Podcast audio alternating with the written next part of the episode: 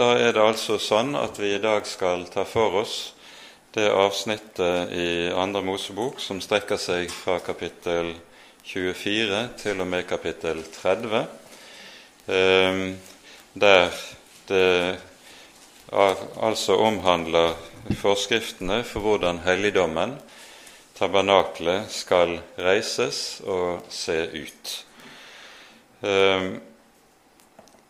Eh, dette er et overmåte viktig avsnitt i Bibelen, ehm, og vi rekker ikke annet enn å se på noen hovedtrekk ved det vi skal ha for oss her, men eh, forhåpentligvis så kan det bli en innfallsvinkel til å forstå litt mer av det grunnleggende bibelske som ligger gjemt i dette.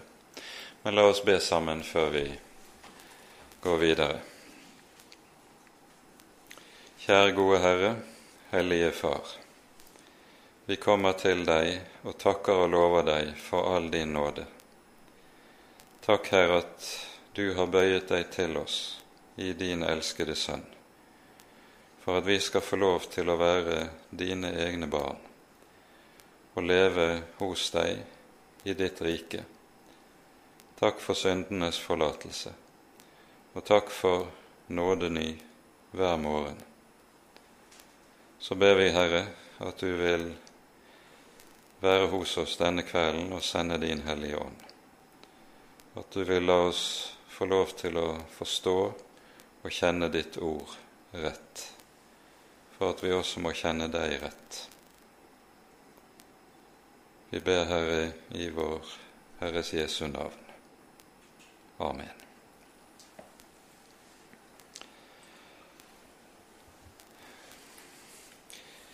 Når vi nå skal gå inn i dette avsnittet som omhandler helligdommen som skal reises, da er det viktig at vi i utgangspunktet har klart for oss to saker som vi minnet om tidligere når vi snakket sammen om uh, lovgivningen uh, i forbindelse med paktsinngåelsen.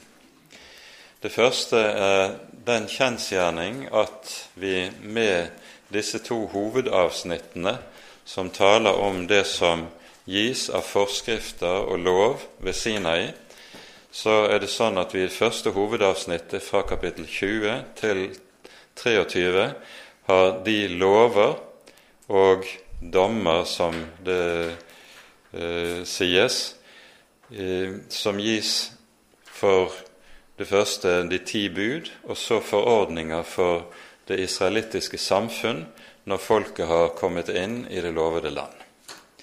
Her gis altså loven. Og Dernest kommer altså avsnittet fra kapittel 25 til kapittel 30, der vi hører om hvorledes helligdommen skal reises. Det er det sted der det skal skje soning for synd. Og På denne måten så anskueliggjøres det i disse tekstene at ved Sinai gis både lov og evangelium. Loven som taler om hva som rett er, og som også har det med seg at den avslører synd. Og dernest gis altså den ordning for soning for den synd som gjøres imot den lov Herren har gitt. Det er lov og evangelium som dermed er så å si selve sammenhengen, den indre sammenheng, i denne delen av Andre Mosebok. Lov og evangelium er altså ikke noe som er forbeholdt Galaterbrevet i Det nye testamentet, men det er noe som er gitt gjennom hele Den hellige skrift, og her har vi det altså på forbilledlig vis ved, angitt allerede ved Sinai. Det andre vi skal eh, minne om igjen, er det som altså skjer i tilknytning til at Gud åpenbarer de ti bud. Vi hører i kapittel 20 fra vers 18 om folkets reaksjon på at budene blir gitt. Budene gis jo sammen med en veldig åpenbaring av Guds herlighet, av Guds majestet, loven er åpenbaringen av Guds hellighet. Og Dette får jo til følge at når Herren åpenbarer seg på denne måten, så står folket under fjellet og bever i dyp angst for den Gud som her åpenbarer seg for dem. Og denne frykt, den får folket til å si til, eller ber Moses om at han, Herren må gi dem en mellommann.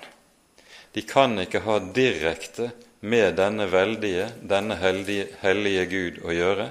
De trenger en mellommann hvis de skal ha med Herren å gjøre. Og så kommer i slutten av kapittel 20 eh, et kort avsnitt der det taler om alteret. Sånn at det som lovåpenbaringen umiddelbart medfører, det er for det første det at folket ser de trenger en mellommann, skal de ha med Herren å gjøre, og for det andre de trenger et alter. Og det er disse to ting som gis i og med forordningene for tabernaklet. Ypperstepresten er den mellommann som innsettes av Herren eh, med tanke på at det skal gjøres soning, og alteret er så å si sentrum i det som foregår i helligdommen. Vi skal se nærmere på det etter hvert. Når Moses nå får forskriftene om dette, så leser vi i slutten av kapittel 24 at etter paktsinngåelsen Vi hører Gud inngår pakt med folket i eh, de elleve første versene av kapittel 24. Dette var vi inne på forrige gang. Så får Moses av Herren befaling om på ny å stige opp på Sinai berg. Og nå er det to ting Moses skal få når han går opp på berget. For det første skal han motta steintavlene med de ti bud, der de ti bud står innskrevet. Og for det andre så skal han altså motta forordningen for helligdommen. Og Moses blir nå 40 dager og 40 netter oppe på fjellet, i, eh, der Herren så å si pleier omgang med sin tjener Moses og åpenbarer alt det som er nødvendig med tanke på helligdommen. Vi leser et par vers fra kapittel 24, fra vers 15. Så steg Moses opp på fjellet, og skyen skjulte fjellet. Og Herrens herlighet hvilte på Sinai berg. Skyen skjulte det i seks dager. Den syvende dagen kalte han på Moses midt ut av skyen. Synet av Herrens herlighet var for Israels barns øyne som en fortærende ild på toppen av fjellet. Og Moses gikk midt inn i skyen og steg opp på fjellet, og Moses var på fjellet i 40 dager og 40 netter.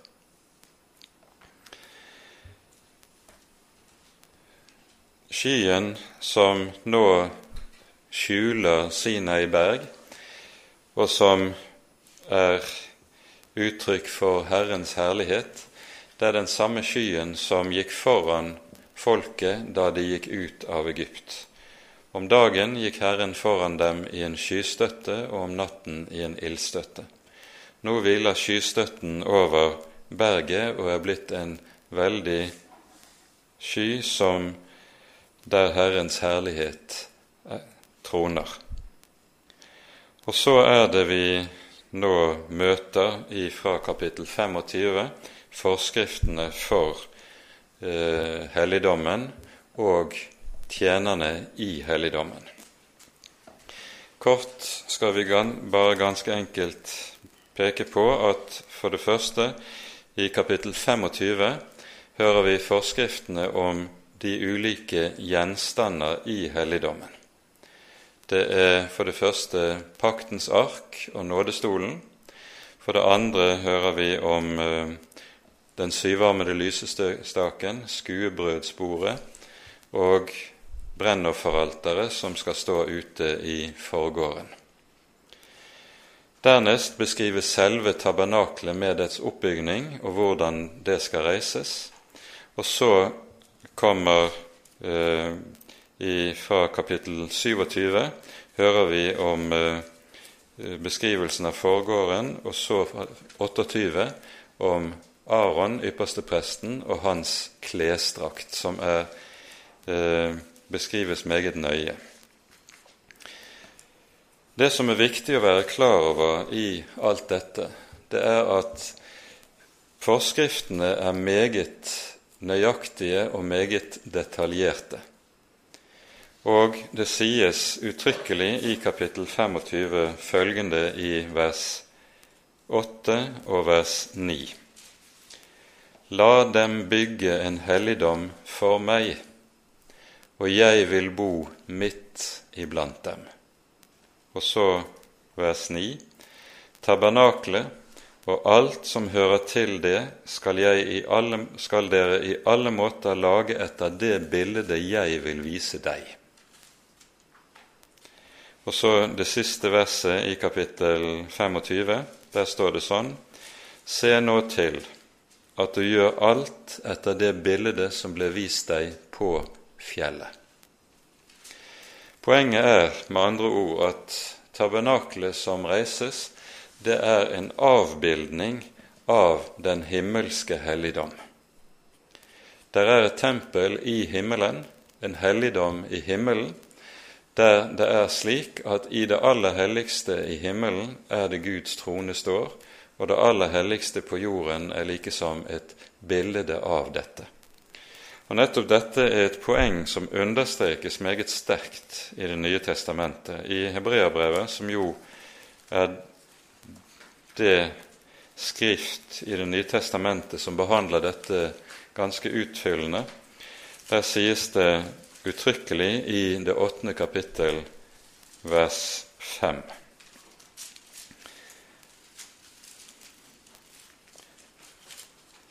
Det sies om prestene i tabernaklet, eller tempelet, at de gjør tjeneste ved en helligdom som er et avbilde og en skygge av den himmelske, slik Moses fikk beskjed om da han skulle bygge tabernaklet. Se til at du gjør alt etter det bildet som ble vist deg på fjellet. Og så understrekes samme saken også i kapittel 9, eh, eh, vers 23, der det tales om renselsen av helligdommen og de ting som er i helligdommen. Det er nødvendig at avbildet av de himmelske ting blir renset ved slikt, men selve de himmelske ting må renses ved et bedre offer enn disse. Helligdommen er et bilde av den himmelske helligdom. Og eh, dette er betydningsfullt på i mange sammenhenger i Bibelen. I det, det vi skal være klar over to hovedsaker i dette. For det første det som vi ser når det gjelder tabernaklet og beskrivelsen av de ulike deler av tabernaklet, alt er symbolsk. Det vil si at de ulike gjenstander anskueliggjør ulike sannheter i Guds ord og sannheter om hvem Herren er, og hvordan eller på hvilke premisser vi skal ha med Herren å gjøre. For det andre er alt også typologisk, dvs. Si forbildet. Det er et bilde på de himmelske ting, og det peker frem imot noe som skal komme, nemlig den fullkomne soning som en gang skal fullbyrdes. Dette får jeg sagt som en sånn mer allmenn innledning, og så går vi litt inn i enkeltheter. Så får vi se om han finner frem her.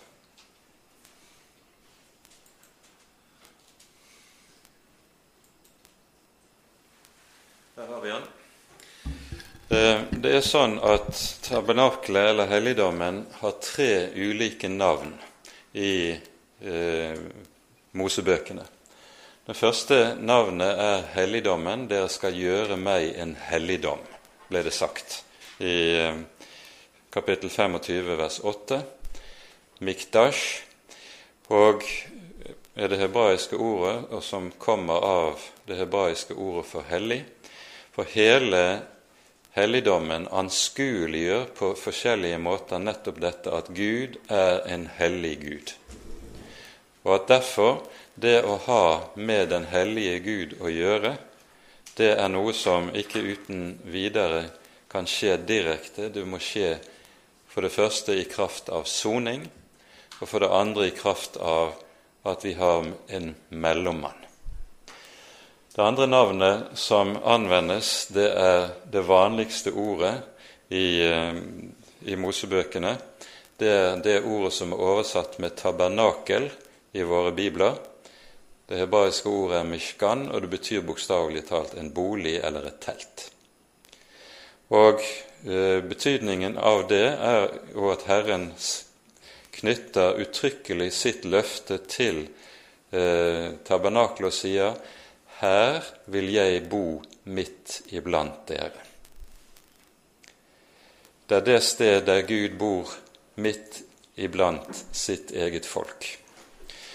Det er Senere, når vi kommer til Fjerde Mosebok, så er dette også anskueliggjort på en veldig bestemt måte i det eh, Israels leir der beskrives nøyaktig.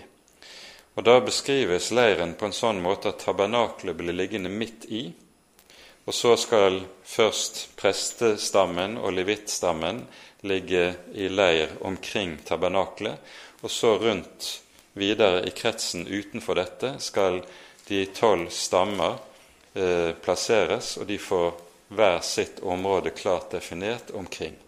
Men midt i leiren skal tabernaklet ligge som det bokstavelige midtpunkt i folkets åndelige liv. Når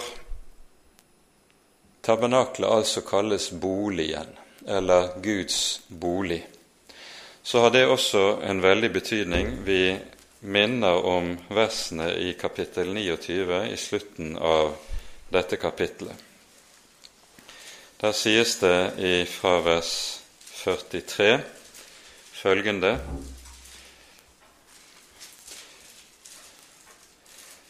Der vil jeg komme sammen med Israels barn, og teltet skal helliges ved min herlighet. Jeg vil hellige sammenkomstens telt og alteret, og Aron og hans sønner vil jeg hellige til å tjene meg som prester. Jeg vil bo midt iblant Israels barn, og jeg vil være deres Gud. Og de skal kjenne at jeg er Herren deres Gud, som førte dem ut av landet Egypt for å bo midt iblant dem. Jeg er Herren deres Gud. Og Det som er betydningsfullt når det gjelder disse versene som vi her har lest, det er at Herren knytter sitt løfte om å bo midt iblant sitt folk, ikke til oppfyllelsen av budene, men han knytter det til det sted der det skjer soning for synd. Det er i kraft, med andre ord, i kraft av at synden sones, Herren lover å bo midt iblant sitt folk, ikke i kraft av at folket er lydige mot loven. For det viser seg jo om igjen og om igjen at det er de aldeles ikke. De faller på ny og på ny. Og dersom Guds nærvær var betinget av folkets lydighet, da var døren stengt for lengst. Der var det intet håp for folket overhodet. Men Gud knytter altså løftet om sitt nærvær til det sted der det skjer soning for synd. Dette er overmåte betydningsfullt å være oppmerksom på. For det sier noe om eh, hvordan Herren tenker når folket, han tar folket til seg. Det som sies i vers 46, som vi har lest, det er en gjentagelse av det som vi hører i andre Mosebok kapittel 6, der Herren i, fra vers 6 til vers 8 sier kortfattet og konsentrert hva som er hensikten med at han fører folket ut av Egypt. Hensikten er at han vil ta det til sitt folk, at han vil bo midt iblant dem, og at de skal kjenne at Han er Herren deres Gud. Og dette opp, løftet oppfylles altså her når tabernaklet reises. Det er det, på det sted der det gjøres soning for synd, at Herren altså vil bo i sitt folk. Det tredje, det tredje navnet som anvendes på tabernaklet, er møteteltet eller sammenkomstens telt, som det også oversettes i våre bibler. Og Poenget er da at det er dette sted folket vil møte Herren sin Gud. Det å komme i Herrens hus, eller komme til Herrens hus, det var å komme til det sted der en møtte Herren. Det var for å møte Herren en kom dit. Um, på hebraisk heter det ohel moed. Ohel betyr telt. Moed betyr et avtalt møte. Og Vi hører hvorledes Herren uttrykkelig i lovgivningen både i kapittel 23 og i kapittel 34 fastsetter de avtalte møtedatoer, så å si, nemlig i forbindelse med de tre store valfartshøytidene, der alt folket skal samles i Herrens helligdom. Vel, her er det et oversiktsbilde over Vi har en modell av hvordan en tenker seg at tabernaklet har sett ut. Det er en god del detaljer som ikke er gjengitt i eh, bibelteksten. Så det er ikke mulig å eh, så å si skape en helt nøyaktig modell som nøyaktig kan gjengi hvordan det har sett ut når det gjelder alle detaljer. Men i grove trekk kan man vite hvorledes det hele har sett ut. Selve helligdommen finner vi her. Målene på den oppgis ganske eh, nøyaktig. Den skal være 30 alen lang, 10 alen bred, 10 alen høy. Og Helligdommen er da inndelt i to rom, det hellige og det aller helligste, det aller helligste er ti ganger ti ganger ti alen. Den er formet som en kube. Mens det hellige er altså 20 ganger 10 i størrelse. Og Helligdommen er da plassert i forgården som er inngjerdet. Forgården skulle være 100 alen lang og 50 alen bred. Og i forgården står det to viktige gjenstander for det første brennofferalteret. Det er det sted der eh, de fleste og hovedofrene bæres frem. Og For det andre så står renselseskaret av kobber. Eh, det sies uttrykkelig om dette i kapittel 30 at prestene skal vaske sine hender og sine føtter før de går til tjenesten for å være renset. Dersom de ikke gjør det, skal de dø noe som markerer Og dette markeres om igjen og om igjen i tekstene her. Det handler om Guds hellighet, som derfor Og derfor er tjenesten noe som må skjøttes slik Herren har sagt det, ikke vilkårlig.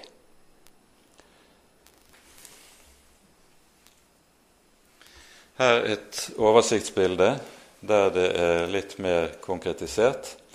I det aller helligste er det vi finner nådestolen og paktens ark. Dette var et rom som var atskilt fra det hellige med et forheng. Forhenget var uhyre viktig, og det var ingen lyskilder inne i det aller helligste. I det aller helligste kan ypperstepresten gå inn bare én gang i året, nemlig på den store forsoningsdagen. Da går han inn i det aller helligste fire ganger. Så har vi det hellige. Det er opplyst av den syvarmede lysestaken som står ved sydveggen av det hellige. Ved nordveggen står det såkalte skuebrødsbordet. Det betyr egentlig ansiktets brød eller ansiktets bord. Der det skulle ligge tolv brød. De skulle være, det skulle være syret brød. Og de tolv brødene representerer Israels tolv stammer, og når det er syret Det syrede representerer alltid synden. Eh, og det symboliserer dette at det folk som hører Herren til, det er et folk som fortsatt har synd hos seg, men tross det får lov til å være Herrens folk i Hans helligdom. Og så foran forhenget sto røkofferalteret. Det ble regnet som, eh, selv om det sto i det hellige, så ble det regnet som hørende til det aller helligste. Ehm, men det var altså sto ikke fysisk inne i det aller helligste. Her i det hellige var det slik at prestene skulle eh, gå inn eh, to ganger om dagen, eh, nemlig i forbindelse med det som kalles for det stadige offer. Eh, det foregikk om morgenen og aften, det morgenofferet og aftenofferet. Til det stadige offeret hørte det at staken, den syvarmede lysestaken skulle stelles, holdes ved like, det skulle fylles på olje. Det var olivenolje som ble brukt som uh, uh, energikilde til lampene, og disse skulle brenne alltid. Det skulle være alltid tent lys her i det, helligste, i det hellige.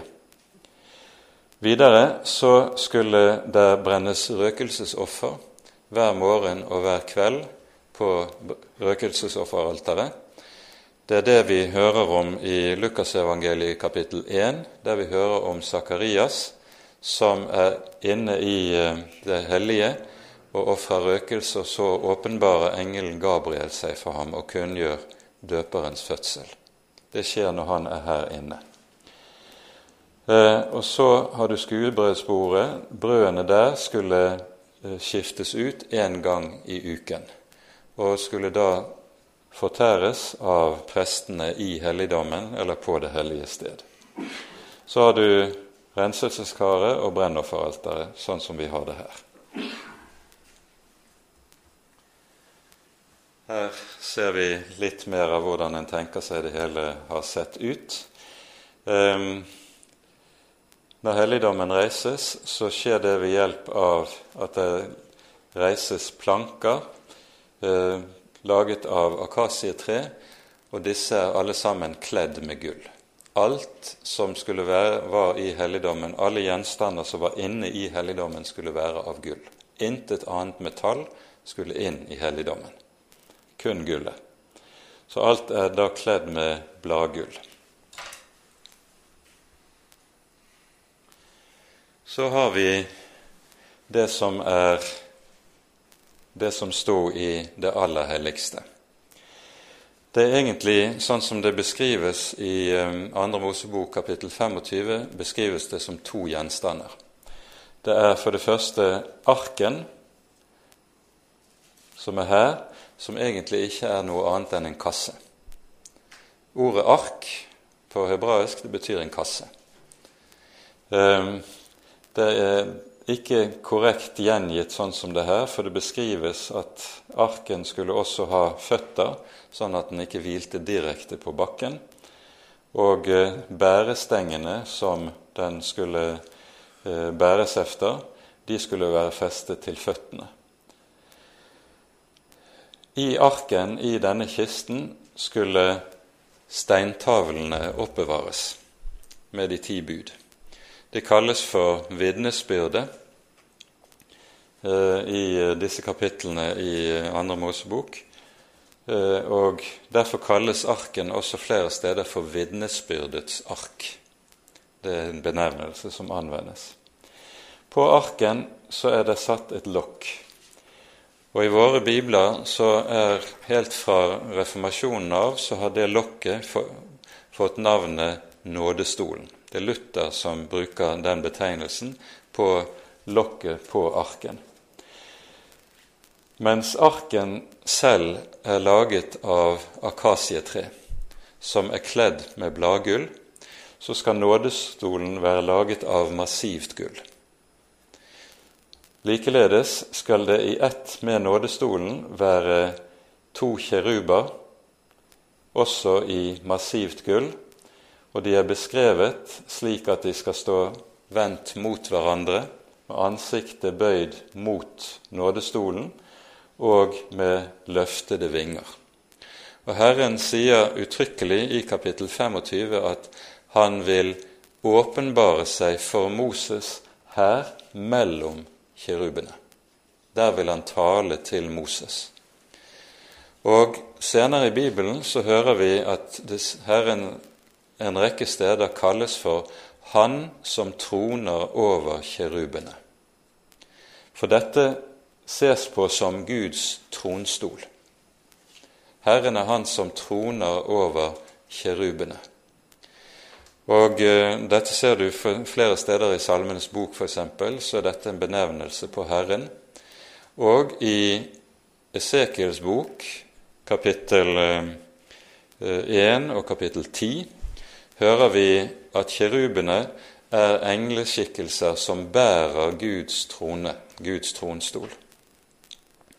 Og når Herren eh, forlater helligdommen, slik det beskrives i Esekiels bok, kapittel 10 og 11, og med det gjør klar dommen som skal fullbyrdes over Israels folk, så er det, foregår det på den måten at kirubene bærer Herrens tronstol, Herrens herlighet, ut av tempelet. Og så er dommen klar. Og fordi eh, kirubene altså er disse skikkelser som bærer eh, Herrens tronstol, så kalles eh, av og til nådestolen med kirubene for vognen, Herrens vogn. Det er, noen, det er, en betegnelse som anvendes noen steder i eh, Det gamle testamentet. Eh, nådes, ordet nådestol det er en fri oversettelse fra Luthers side. Det hebraiske ordet for dette det er kaporet, som kommer av det hebraiske verbet for å sone. Det er nemlig det punkt som er avgjørende når synd skal sones. Når ypperstepresten på den store forsoningsdagen går inn i det aller helligste, så stenker han blodet fra syndofferet på nådestolen. Og når blodet berører nådestolen, da er offeret virkekraftig, og synden er sonet. Og Når vi hører lovgivningen om syndofrene i 3. Mosebok kapittel 4, så sies det uttrykkelig om presten som da gjør, har denne rolle som stedfortreder, at således skal han gjøre soning for dem, så de får forlatelse. Synstilgivelsen er betinget av og hviler på at det skjer soning. Og i, Dette formuleres i Hebreabrevet kapittel 9 veldig sterkt med at det sies uten at blod blir utgitt, skjer det ikke soning. Det er dette sonofferet som har sitt sentrum i det som skjer inne i det aller helligste på den store forsoningsdagen. Utenfor forhenget står røkofferalteret. Det er et lite alter. Det er to alen høyt og så én alen i kvadrat. Ehm, og det er eh, laget på denne måten med en eh, krans omkring som eh, skal sørge for at røkelseskarene holder seg på plass, ikke ramler ned. Og så ser dere her på sidene av alteret er det fire forhøyninger. Det er noe som er ganske viktig i Bibelen. Det kalles for alterets horn. Og Vi hører både om brennofferet som står ute i forgården, og om altså røkofferalteret, at det har horn. Alterets horn. Eh, og de spiller den rolle at på, når det gjelder eh, syndoffer som ofres an, til andre tider enn på den store forsoningsdagen, så skal presten gå inn i helligdommen, og så skal han dyppe fingeren i blodet og stryke med fingeren på, av blodet på alterets horn. Og så er synden da sonet. Så Røkofferalteret spiller altså også en stor rolle i forbindelse med soning for synd som skjer utenom den store forsoningsdagen. Men det som er hovedsaken når det gjelder røkofferalteret, det er altså at her ofres det røkelse hver morgen og hver kveld. Ehm, og eh, dette kalles i Bibelen for det stadige offer. Og Det er et stort spørsmål om ikke Paulus' ord i 1. Tessalonikabrev kapittel 5, der han sier 'be uavlatelig', egentlig sikter til dette. Dette er jo ofte blitt tolket som at kristne skal alltid be, noe som i praksis jo er umulig. Men det stadige offer det på, i, kalles i loven for tamid. Det er noe som pågår stadig, men det er altså det som offer som bæres frem hver morgen og hver kveld.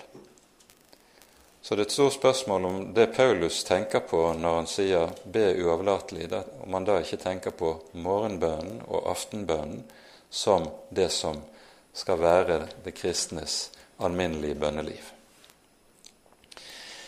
Eh, røkelsen er jo nettopp bildet på bønnen. Og det hører vi sies uttrykkelig i Davids salme 141.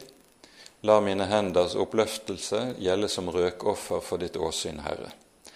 Og i eh, åpenbaringsboken kapittel 5 og kapittel 8 så hører du samme sak, at røkelsen symboliserer bønnen.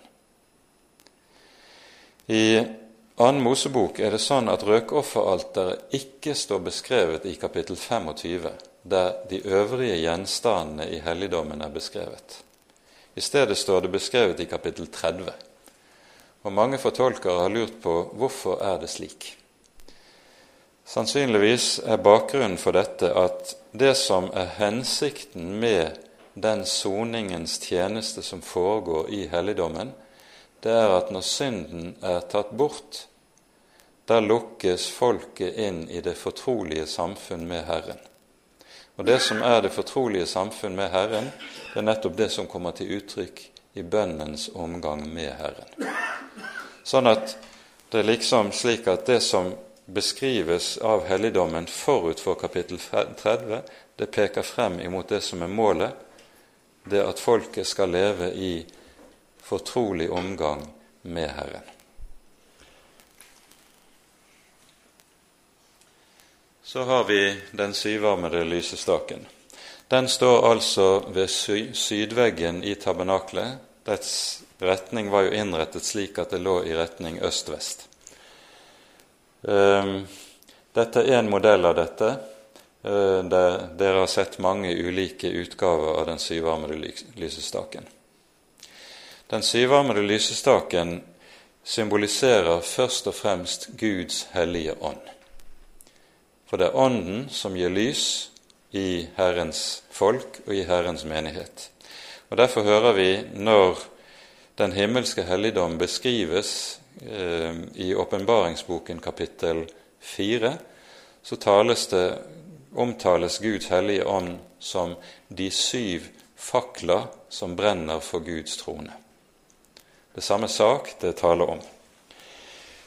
Eh, denne symbolikken den møter vi også igjen hos profeten Sakarias i det fjerde kapittel. Og Der er det knytt, også knyttet sammen med Åndens iboen i Guds folk, og det, det understrekes med dette kjente bibelordet som nettopp lyder inn i den sammenheng, der det sies 'ikke ved kraft og ikke ved styrke, men ved min ånd', sier Herren. Og så ser profeten den syvarmede lysestaken. Dette syvtallet det er jo samtidig også symbolet for Guds folk. I det det er slik at vi møter de syv menigheter i åpenbaringsboken, som likesom anskueliggjør helheten av Guds folk i, i verden. Og dette henger jo sammen med at der Guds ånd er, der er Guds folk. Og der Guds folk er, der er Guds ånd. Ånden og Kirken hører uløselig sammen. Så har vi skuebrødsbordet, som er tegnet i en modell her. Der finnes mange De som har fordypet seg i litteraturen, vil vite at det finnes mange ulike utgaver og gjengivelser av hvordan man tenker seg at det har sett ut. Dette er en utgave, og her ser dere de tolv brødleivene som ligger på skuebrødsbordet.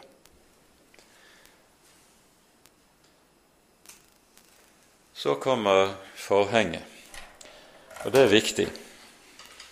Eh, det er det som skiller det hellige fra det aller helligste. Og Dere vil huske at det sies, fortelles, at idet Jesus døde på Golgata, så revnet forhenget. Og Det er en veldig symbolikk i dette, for her møter vi noe av den dype sammenheng i bibeltekstene. Det var nemlig slik at på forhenget så skulle det være avbildet kjeruber. Og kjerubene, som også altså var eh, på nådestolen Kjerubene er jo de engleskikkelsene som står og vokter adgangen til livets tre etter syndefallet. Når mennesket er vist ut av paradisets hage, så stenges veien. Og Dette er Bibelens måte å anskueliggjøre for oss at av synden så er veien til livet, veien til Gud, veien til himmelen er stengt. Kjerubene er det som vokter veien. Og Det at kjerubene er avbildet på forhenget, det anskueliggjør nettopp dette at adgangen til Gud er stengt. Når Jesus dør på korset, så revner forhenget fra øverst til nederst, sies det. Noe som da anskueliggjør at det, den vei som ble stengt ved fallet, den er nå åpnet opp igjen. Dette sies jo uttrykkelig i Hebreabrevet i det tiende kapittel, vers 19 og vers 20, at Han har innviet oss en ny og levende vei gjennom forhenget. Veien, adgangen til Gud, er åpnet. Den er ikke lenger stengt. Så vi brennofferalteret. Det var, sto i forgården. Det var laget av kobber. Eh, slik det er beskrevet i, eh, i Mosebøkene, så var det fem ganger fem alen stort, og eh, var altså da slik laget av kobber og det ble anvendt da på den måten at når offerdyrene var slaktet, så skulle enten, hvis det var tale om det som kalles for brennofferet, hele offerdyret brennes. Med hud, innvoller, kjøtt, alt. Det skulle brennes i sin helhet. Eller hvis det var andre typer offer, så skulle dyret parteres, og bestemte deler av dyret skulle brennes her på alteret. Så brennofferalteret det anskueliggjør en viktig side ved Bibelens budskap. I det ilden er stadig i Bibelen bildet på Guds vrede. Og når ofrene skulle fortæres, så er det bilde på hvorledes det som er underlagt Guds dom, fortæres under Guds vrede. Det er det som er bildet i offeret.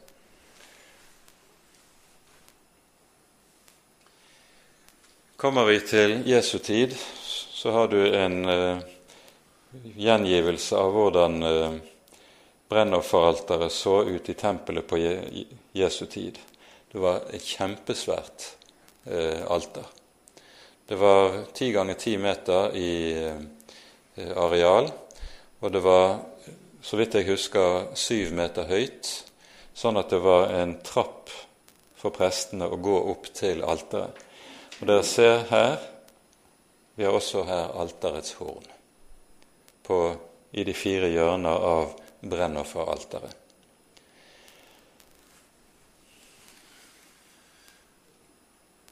Så har du kobberkaret, eller renselseskaret. Det har vi omtalt. Vi sier ikke stort mer om det.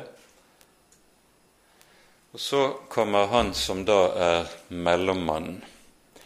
Og Her er yppersteprestens drakt gjengitt relativt sånn som en tenker seg at den så ut. Ehm, den vanlige prestedrakt besto av fire plagg. Yppersteprestens drakt besto av fire plagg i tillegg til de vanlige fire. Og Disse fire plaggene som yppersteprestens drakt da består av, det er for det første huen, eller hatten, for det andre den blå kappen, som kalles for meil. Og så har du eh, efoden, som er denne som her er gjengitt nærmest som et forkle. Eh, og så brystduken, som var festet til efoden. Det er de fire plaggene til øverstepresten. Og den Efoden og det øvrige ble holdt på plass av et belte som for øverstepresten sitt vedkommende var spent om livet, om brystet, ikke om lendene. Så når vi hører Jesus omtalt og beskrevet i åpenbaringsbokens første kapittel at det står at han hadde et belte om brystet, så forteller dette at her er Jesus avbildet som vår øverste prest som er i tjeneste for oss i den himmelske helligdom. Han lever til å gå i forbønn for oss, står det i Hebreabrevets syvende kapittel, når han omtales der. Det som var eh, viktig, eller det som var det særlige med øversteprestens drakt, det er jo livkjortelen og brystduken som var festet til denne. Dette står beskrevet i kapittel 28 i Andre Mosebok. Vi har ikke tid til å gå inn på det.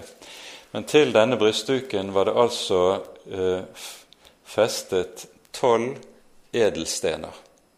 Og På hver av disse edelstenene skulle navnene på Israels tolv stammer være inngravert. Én sten for hver stamme.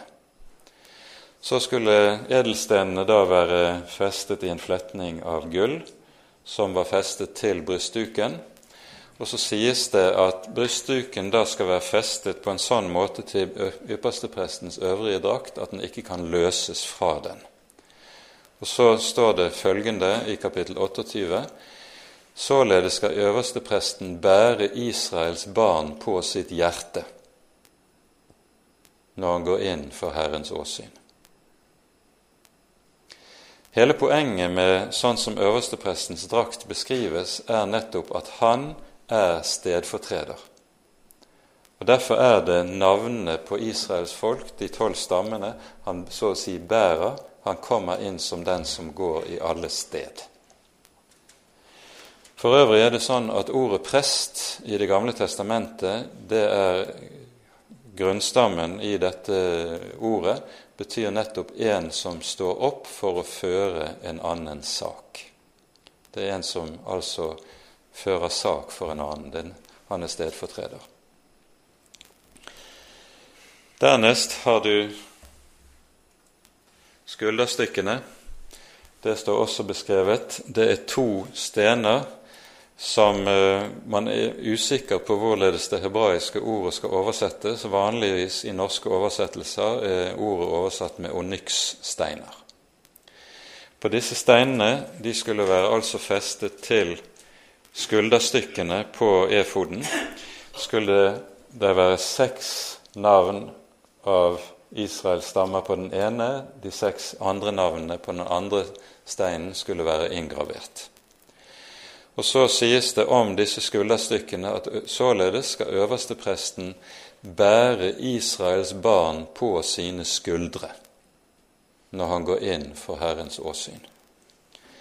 Og Da har vi det stedfortredende gjengitt i uhyre sterk eh, form.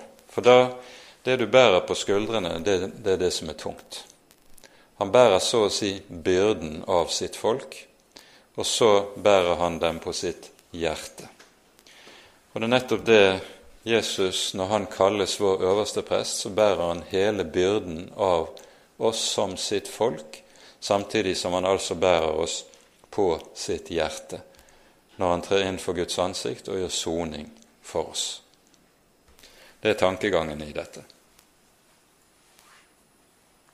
Så har du overkjortelen, som eh, skulle være i himmelblå farge, og på eh, kanten nede skulle det være festet små bjeller av gull og granatepler av gull vekselvis rundt hele, og disse skulle altså gi lyd fra seg når øverstepresten gikk inn i helligdommen, for å minne om Israels barn, sies det. Poenget med disse fargene som er i øversteprestens drakt, det er at til forskjell fra den vanlige prestedrakten, som var helt hvit Den var i ren, hvit, skinnende lin, sies det så var øversteprestens drakt i nøyaktig de samme farger som forhenget og teppene i helligdommen for øvrig. Sånn at øverstepresten liksom med sin klesdrakt Det blir anskueliggjort at han hører helligdommen til. Det er de samme farger og de samme symboler som går igjen i drakten som i teppene i helligdommen for øvrig. Så til sist huen. Eh, en vet heller ikke nøyaktig hvordan den har sett ut, men her var det til den festet en plate av gull som skulle ligge på panen, og eh, på denne skulle det være inngravert følgende ord 'Helliget Herren' i det det er slik at den tjeneste øverstepresten utfører, den hører Herren til.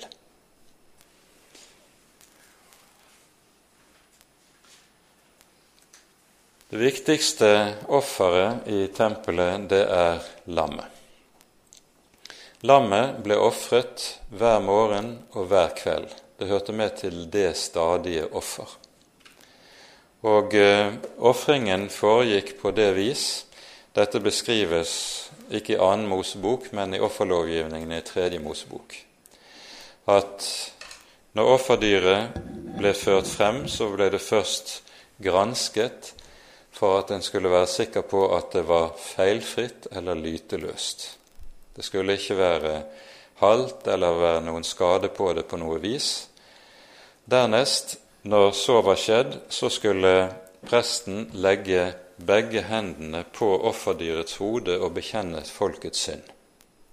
Altså det var en synsbekjennelse som lød for folk på vegne av folket. Og Når så er skjedd, så bindes dyret sånn som vi ser her, og det slaktes ved at halspulsåren skjæres over og blodet eh, samles opp i skål av gull. Og så blir da eh, eh, dyret brent på alteret mens på brennofferalteret ute i forgården, mens presten da går inn i helligdommen med gullskålen og stryker med sin finger på eh, røkofferalterets horn.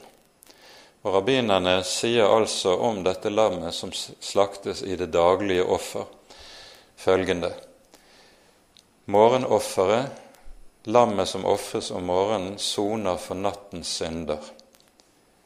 Lammet som ofres om aftenen, soner for dagens synder.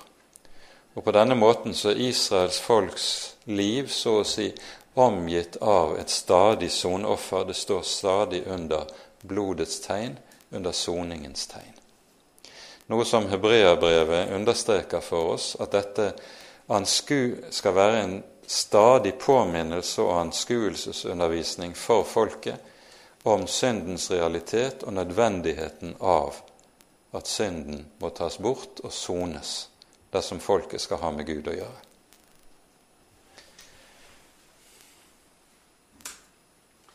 Dette bare som en illustrasjon når øverstepresten går inn i det aller helligste på den store forsoningsdagen. Eh, Vi dveler ikke ved det. Men det leder altså frem til det som er den egentlige store forsoningsdagen, som er langfredag. Alt det som skjer i helligdommen i forbindelse med soningen og soningens tjeneste, det er på ulike måter symboler som peker frem imot det som er det endelige offer. Og det skrift i Det nye testamentet som utlegger dette ganske grundig for oss, det er hebreabrevet. Så vil du forstå denne sammenhengen her mellom Det gamle testamentets offer og det som skjer på korset, så er hebreabrevet et nøkkelbrev å fordype seg i. Og Tankegangen er jo nettopp dette at Jesus er både offerlam, han er det lam som bærer verdens synd samtidig som han er øverste prest. Men en øverste prest som da bærer seg selv frem som offer. Slik sies det, uttrykkes det, eh, i hebreerbrevet. Men poenget er da hele veien dette. Skal vi ha med Gud å gjøre, så trenger vi mellommannen, og vi trenger offeret. For det er én Gud og en mellommann mellom Gud og mennesker, mennesket Jesus Kristus. På denne måten så er det som skjer i tabernaklet og eh, når det reises, det skal være en anskuel, stadig anskuelsesundervisning for folket som typologisk peker fremover mot det fullkomne offer som en dag skal bæres frem. I Det gamle testamentet er det slik at det kapittelet som aller sterkest taler om nettopp dette, det er Jesaja-bokens 53. kapittel. Og Det som er viktig i denne sammenheng å legge merke til når det gjelder 53. kapittel hos Jesaja, det er at her brukes det nettopp offerspråk. Språk som henger sammen med den terminologien som anvendes om ofrene i helligdommen, i tabernaklet. Slik at det offer som Messias en dag skal bære frem, det er å forstå nettopp som sonoffer, som syndoffer. Han er såret for våre overtredelser, knust for våre misgjerninger. Straffen lå på ham for at vi skulle ha fred. Dette er i all korthet. Nå er det gått en time, men, eh, og det kunne være mye, mye mer å, å, si om man skulle gå inn i detaljer rundt dette. Men det kan være en hjelp til å ha fått overblikk over hva det faktisk dreier seg om i dette. Til sist skal vi bare understreke at når vi hører fra kapittel 35 i annen Mosebok, der tales om eh, at tabernaklet reises, arbeidet utføres for å få eh, helligdommen gjort klar, så står det om igjen og om igjen at Moses og de som var hans medarbeidere, de gjorde alt således som Herren hadde sagt. Om igjen og om igjen sies det.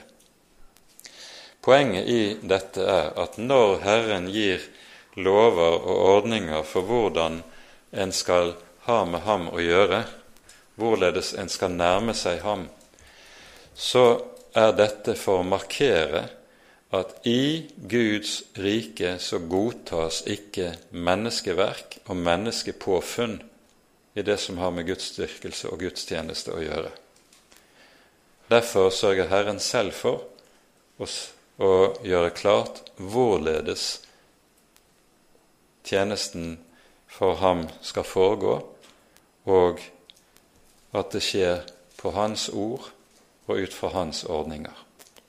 Og Hvor alvorlig dette er ment i Mosebøkene, det får vi syn for sein for når vi kommer til det tiende kapittel i Tredje Mosebok. Der hører vi om hvorledes etter at tabernaklet er innviet, Aron og hans sønner vigslet til og salvet til å gjøre tjeneste som prester, Herrens herlighet har åpenbart seg i helligdommen når den ble innviet, så er det to av Arons sønner, Nabdab og Abihu, som antagelig er grepet av en sterk religiøs begeistring, og så går de inn i Herrens helligdom med fremmed ild. Altså, de bærer frem et offer som Herren ikke har befalt. Og så står det da gikk det ild ut fra Herren, og Adav, Nadav og Abihu døde der for Herrens åsyn. Selvvalgt gudstjeneste godtas ikke i Herrens helligdom. Der godtas utelukkende det som Han har befalt og lagt frem. Men vi slutter med å understreke det som vi jo pekte på innledningsvis. Når Herren lover å bo midt iblant sitt folk, så er det altså knyttet til det sted der det skjer soning for synd.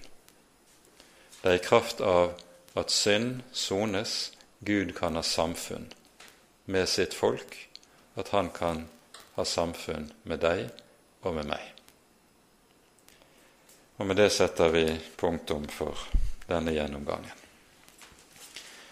Ære være Faderen og Sønnen og Den hellige ånd, som var og er og være skal, en sann Gud, høylovet i evighet.